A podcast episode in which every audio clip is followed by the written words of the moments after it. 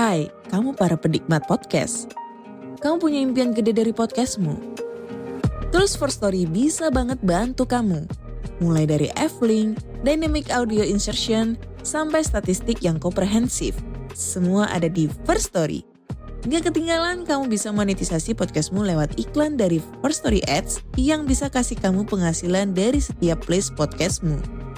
Yuk gabung sekarang dengan klik di firststory.me. Sekali lagi, klik di firststory.me. Mari kita bawa mimpi podcastingmu menjadi kenyataan.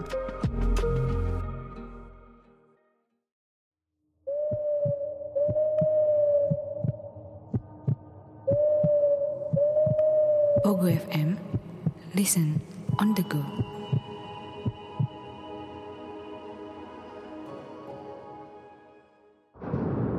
Hai, saya Chow Sing Sing. Selamat datang di podcast Horror Night Story. Pasang telinga, buka pikiran, dan biarkan rasa takut merayap di dalam dirimu. Selamat mendengarkan.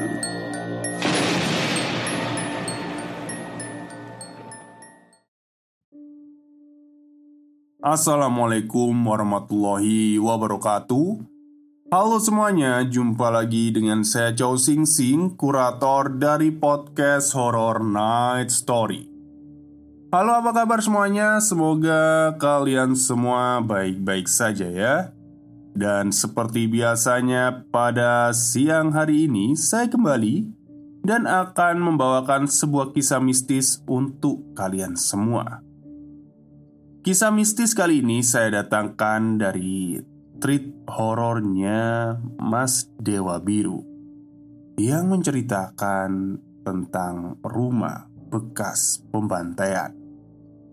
Oke, daripada kita berlama-lama, mari kita simak ceritanya. Cerita ini berawal pada tahun 2013 silam. Tepatnya di salah satu komplek yang ada di daerah Jakarta Barat. Mulanya ada satu keluarga yang terdiri dari bapak, ibu, dan dua anaknya yang sudah beranjak dewasa. Satu perempuan dan satu laki-laki. Dibantai dalam satu malam oleh segerombolan orang yang menerobos masuk ke dalam rumahnya. Mereka semua pertama kali ditemukan dalam keadaan tewas oleh ART yang baru datang pagi hari untuk bekerja.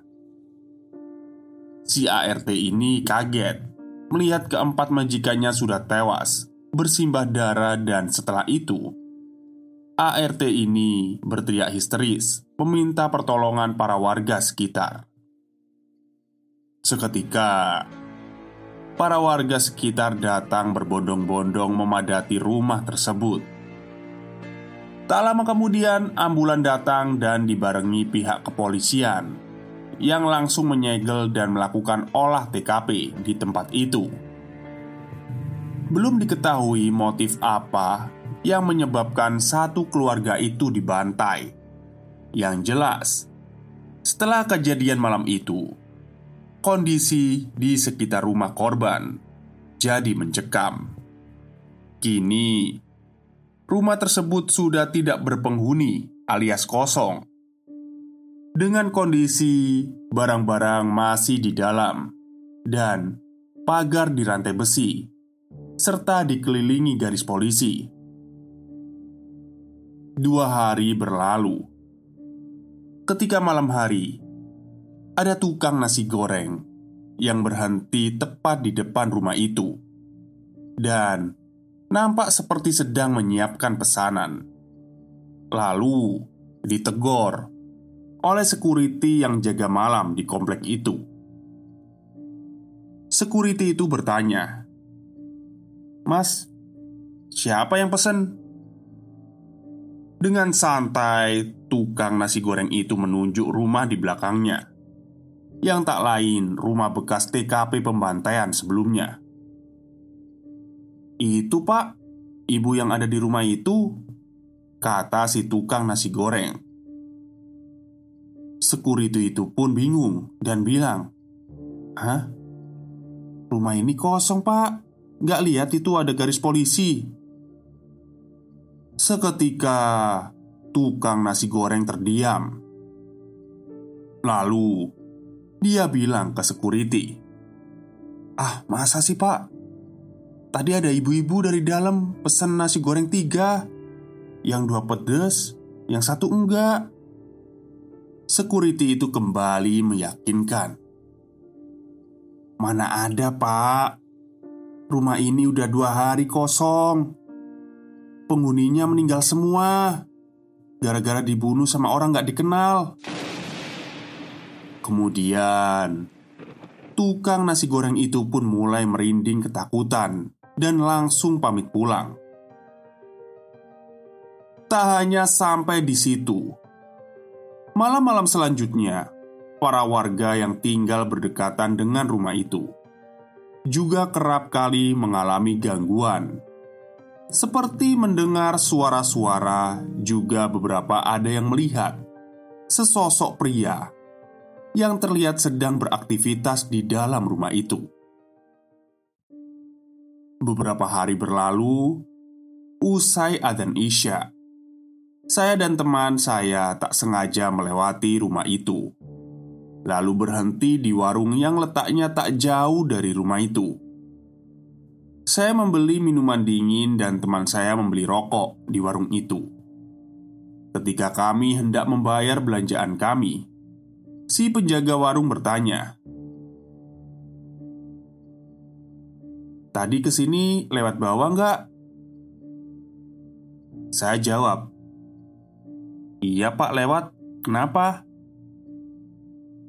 Bukannya di bawah lagi rame ya?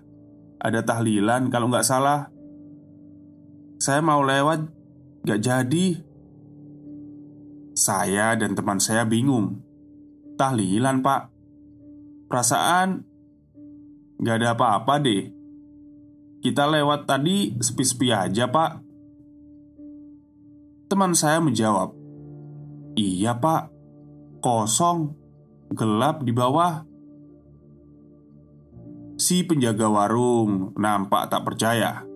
Dia bilang, "Ah, masa sih? Tadi rame kok, banyak orang pada tahlilan." Lalu dia memutuskan untuk keluar dari warungnya dan melihat dari jauh ke arah rumah itu. Diikuti kami berdua. Oh, mungkin rumahnya ini kayak berbukit gitu ya. Jadi kayak kan posisi warungnya ini ada di atas. Jadi uh, si rumah apa? Rumah korban, rumah pembantaian ini ada di bawah gitu. Jadi kayak ya udah ngomongnya lewat bawah gitu ya. Oke, kita lanjut. Tadi sampai mana? Kemudian Si penjaga warung itu bilang, "Loh, iya ya, kok sepi? Tapi beneran loh, tadi waktu saya mau turun ngeliat banyak orang tahlilan. Jadinya ya saya putar balik." Mendengar hal itu, saya dan teman saya jadi semakin bingung.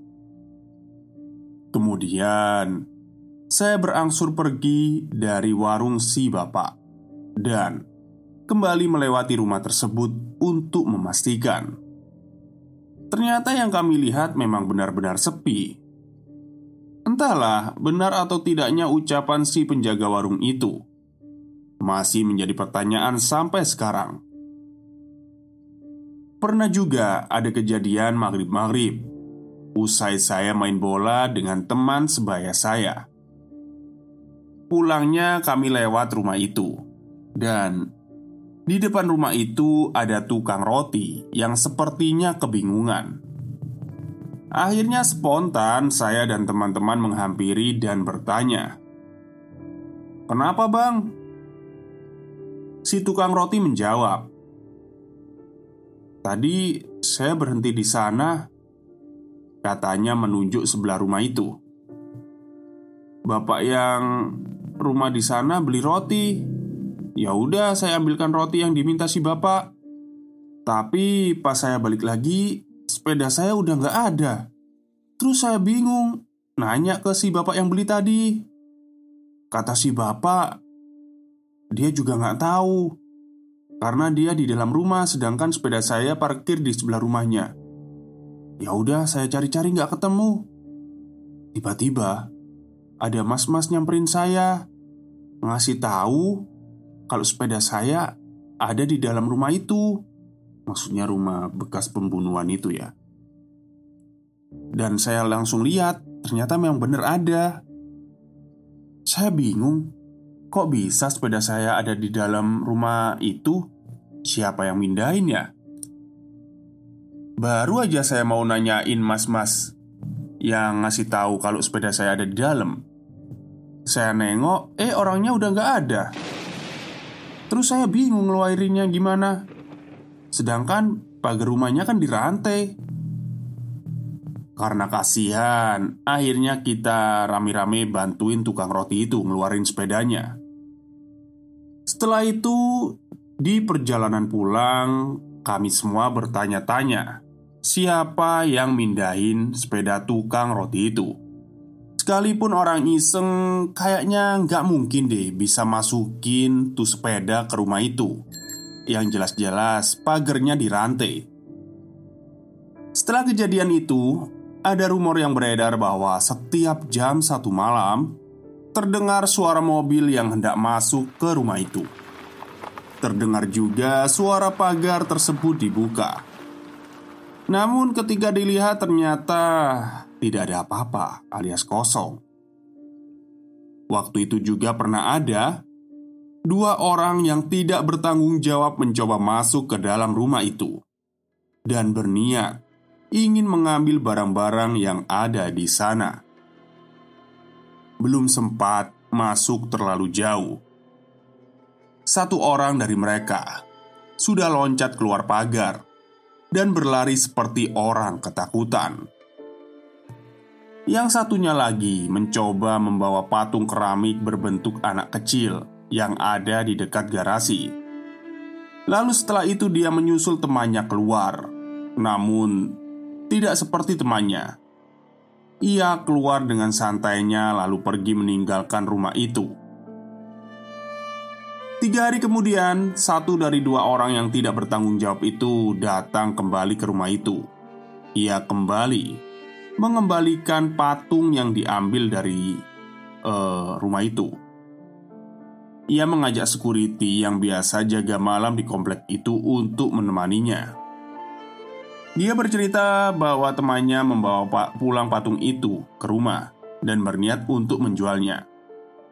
Namun, ketika malam hari, patung ini bergerak sendiri dan berbicara, "Pulangkan saya." Awalnya mereka mengira bahwa mereka halusinasi, tapi ternyata kejadian yang berulang di malam berikutnya maksudnya itu uh, patungnya itu ngomong kayak gitu itu berulang-ulang ya. Dan usai kejadian itu, temannya yang mengambil patung ini juga mengalami sakit yang tidak wajar. Ketakutan berlebihan dan kadang-kadang teriak-teriak sesekali muntah darah. Dari situ dia berniat untuk mengembalikan patung itu.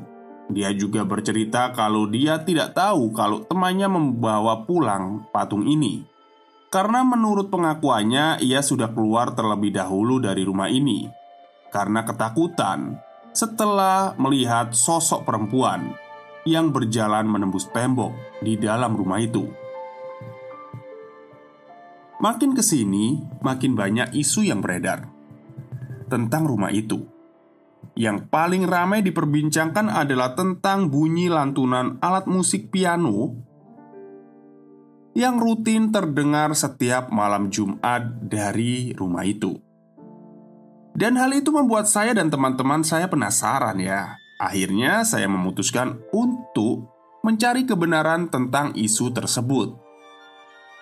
Rencananya malam Jumat nanti saya dan beberapa teman ingin nongkrong di dekat rumah itu Dengan tujuan ingin tahu langsung mengenai suara dari piano itu Singkat cerita, malam Jumat pun tiba. Saya dan keempat teman saya duduk di turunan dekat rumah itu. Kurang lebih saat itu pukul ya 10 malam lah ya. Yang kami lakukan tak lain hanya selayaknya anak remaja nongkrong dengan teman-temannya.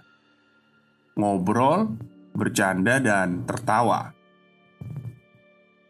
Setengah jam berlalu, tidak ada apa-apa Suasana sekitar sudah sangat hening Lalu, teman saya bilang, kalau dia ingin ke warung untuk membeli minuman dan cemilan agar suasana menjadi lebih nyaman. Tak lama kemudian datanglah kedua teman saya lainnya. Ternyata mereka menyusul ketika dikabari oleh salah satu teman saya. Kedua teman saya ini datang membawa gitar dan barulah suasana yang tadinya agak hening menjadi ramai kembali karena genjerengan gitar dan nyanyian dari kami. Sampai tak terasa, waktu sudah menunjukkan pukul satu malam. Namun, kami tidak mendapatkan keanehan ataupun gangguan apa pun. Ya, akhirnya kami memutuskan untuk pulang. Mengingat sudah larut malam dan tak enak juga karena kehadiran kami mengganggu warga lain yang sedang beristirahat. Baru saja kami bubar, tiba-tiba samar terdengar suara piano yang entah dari mana asalnya. Tiga orang teman saya langsung lari ketakutan, menyisakan saya berempat. Kami mendekati sumber suara itu. Dan ternyata benar saja, suara piano itu terdengar dari dalam rumah itu. Awalnya kami hanya diam, namun tanpa sadar bulu kuduk saya sudah mulai merinding. Tiba-tiba, satu teman saya memberi kode dengan mata untuk melihat ke arah balkon rumah itu. Alangkah terkejutnya kami ketika melihat ada seorang wanita yang duduk di sana dan mengayun-ngayunkan kakinya. Tanpa sepatah kata pun, kami langsung lari berhamburan. Saya pribadi jadi kapok untuk cari tahu hal-hal mistis mengenai rumah itu karena sudah terbukti kebenarannya bahwa rumah tersebut memang benar-benar menyeramkan. Cerita lainnya datang dari tukang taksi yang datang ke pos security komplek tersebut. Dia bertanya ke security, "Maaf, Pak, apa Bapak kenal dengan perempuan yang kayak gini?" Si tukang saksi ini menyebutkan ciri-cirinya ya yang rumahnya ada di dekat turunan sebelah sana, Pak. Security ini pun menjawab, "Iya, saya kenal. Ada apa ya, Pak?" "Iya, dia penumpang saya, Pak. Naik dari depan TPU Tanah Kusir. Terus sampai depan rumahnya bilang saya disuruh nunggu. Dia mau ngambil uang dulu di dalam." Sambung si tukang taksi. Security ini pun keheranan. "Maaf, Mas, tapi rumah yang Mas maksud itu udah lama kosong loh. Dan perempuan yang Mas maksud tadi udah meninggal. Lama sih." Nah, tukang taksi pun seakan gak percaya. "Ah, masa sih, Pak? Dia tadi naik taksi saya, terus turun di rumah yang itu." Orangnya pakai gaun putih. Yang bapak maksud beda orang kali sama penumpang saya. Kata tukang taksi itu ngeyel. Security itu pun mencoba meyakinkan. Beneran pas. Orang yang mas maksud sudah lama meninggal Namanya Mbak X Dia anak dari pemilik rumah itu dia bersama keluarganya dibunuh, dibantai sama orang gak dikenal. Kalau masnya nggak percaya, boleh saya temenin lihat rumahnya. Tukang taksi itu pun mengiyakan dan kemudian menuju rumah tersebut ditemani oleh security. Sampai di sana, mereka keluar dari taksi dan berdiri di depan rumah itu. Security itu pun berkata, "Coba Mas lihat, kosong kan rumahnya?" Mana ada perempuan bisa masuk ke sini? Orang pagernya jadi rantai. Supir taksi itu pun mulai pucat, bingung, dan masih tak percaya dengan apa yang sudah dialaminya. Lalu security mengajak supir taksi itu kembali ke pos guna untuk menenangkannya. Sampai di pos, supir taksi itu diberi minum lalu dinasehati sekarang masnya mending pulang karena sudah malam. Supir taksi itu pun bilang, "Tapi Pak, gimana sama argo taksi saya? Lumayan Pak, 43 ribu." Dengan muka pucat dan keringat dingin Security itu pun bilang Udah mas Anggap aja masnya sedekah Siapa tahu Nanti diganti yang lebih Sekarang Kita mau nagih ke siapa mas? Orang yang mas maksud juga udah meninggal nggak ada. Dua tahun berlalu. Tepatnya di tahun 2015, rumah itu pun dibeli oleh pengusaha dan hendak dijadikan kantor. Tapi, mengingat rumah itu terkenal dengan berbagai kisah mistisnya, akhirnya sang pembeli rumah tersebut memanggil beberapa orang yang ahli spiritual guna untuk membersihkan rumah itu dari gangguan-gangguan serta energi negatif yang ada di dalamnya. Baru setelah itu, bangunan tersebut diratakan oleh tanah. Setelah bangunan itu diratakan oleh tanah, sempat ada jeda sekitar satu minggu sebelum dimulainya proses mendirikan bangunan baru di sana. Ada satu kejanggalan, dan hampir semua orang yang lewat pun merasakannya yaitu bau amis darah yang menyengat selama beberapa hari dari bekas bangunan. Bau amis darah itu mulai hilang ketika puing-puing bekas bangunan lama itu dibersihkan dan digantikan oleh rumah singgah para kuli yang melakukan kerja proyek pembangunan kantor baru di sana. Nah, konon katanya, Selama proses pembangunan kantor, kuli-kuli yang bekerja kerap kali mengalami kejanggalan, seperti mendengar suara-suara aneh, terus alat serta mesin bangunan yang menyala dan bergerak sendiri, hingga ada beberapa sosok menyeramkan yang nampak di sana.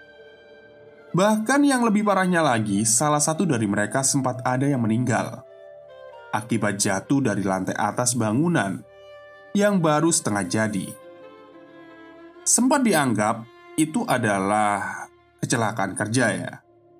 Tapi salah seorang kuli bersaksi bahwa temannya yang jatuh meninggal itu sempat bilang kalau dia melihat sesosok perempuan dengan paras cantik ada di lantai bawah. Tak lama kemudian barulah terdengar suara keras yang ternyata temannya itu sudah jatuh dan terbaring di lantai bawah.